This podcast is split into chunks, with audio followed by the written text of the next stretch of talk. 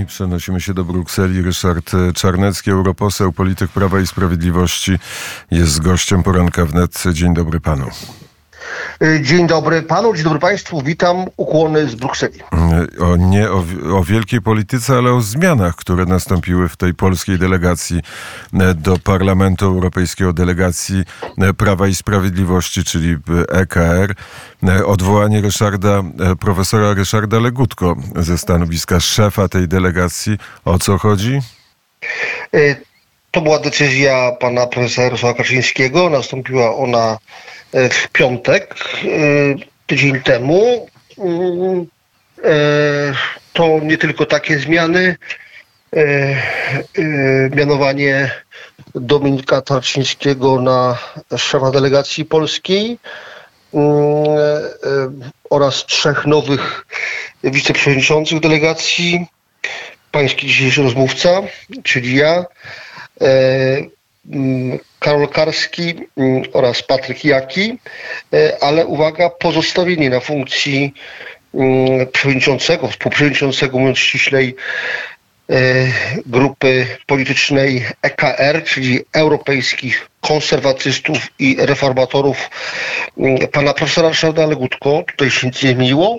I wreszcie decyzja, że szpicem kandydatem, czyli kandydatem na szefa Komisji Europejskiej EKR-u będzie pan Jacek Sariusz Wolski. To jest taka nieformalna, pozatraktatowa, można powiedzieć, instytucja. Poszczególne grupy polityczne zgłaszają kandydatów. Przed pięcioma laty decyzją władz Prawa i Sprawiedliwości nie było polskiego kandydata. Wtedy mówiło się w polskiej delegacji wysłano dwie kandydatury, moją i profesora Dzisława Krasnodębskiego. No ale um, ostatecznie udzieliliśmy poparcia Janowi Zachadilowi Czechowi, bo teraz uznaliśmy, że, że to bez sensu, żeby największa e, delegacja narodowa w ramach e, europejskich konserwatystów nie wystawiała kandydata Polaka.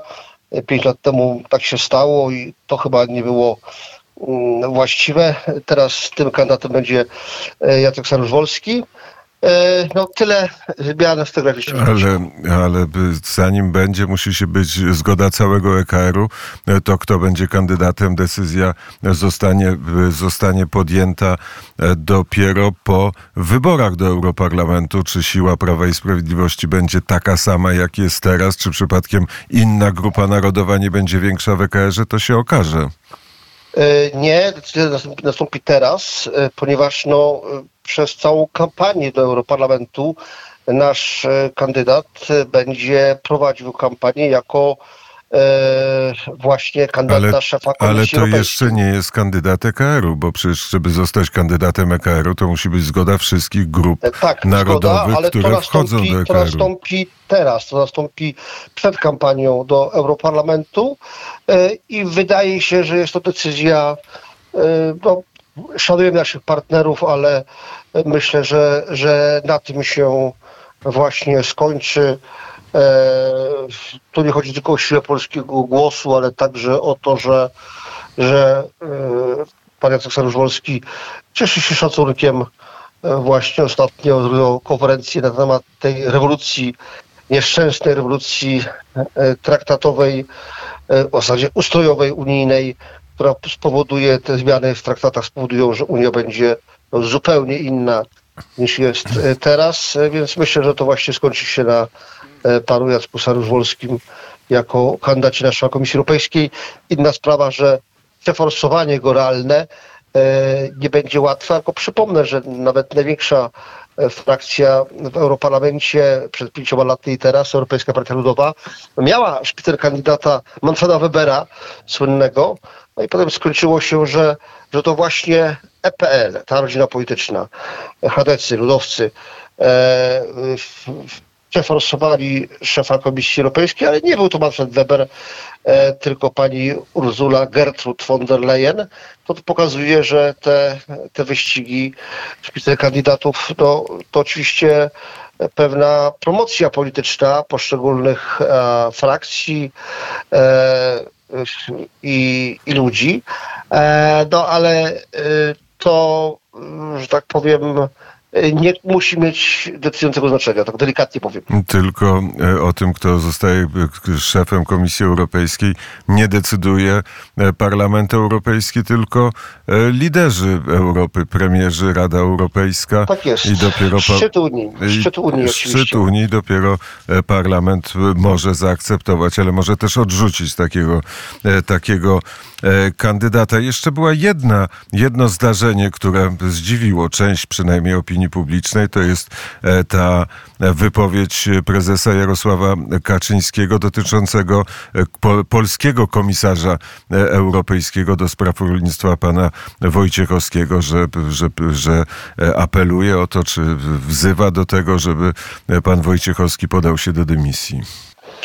E, To prawda, to nastąpiło też e, e, w zeszły e, piątek, e,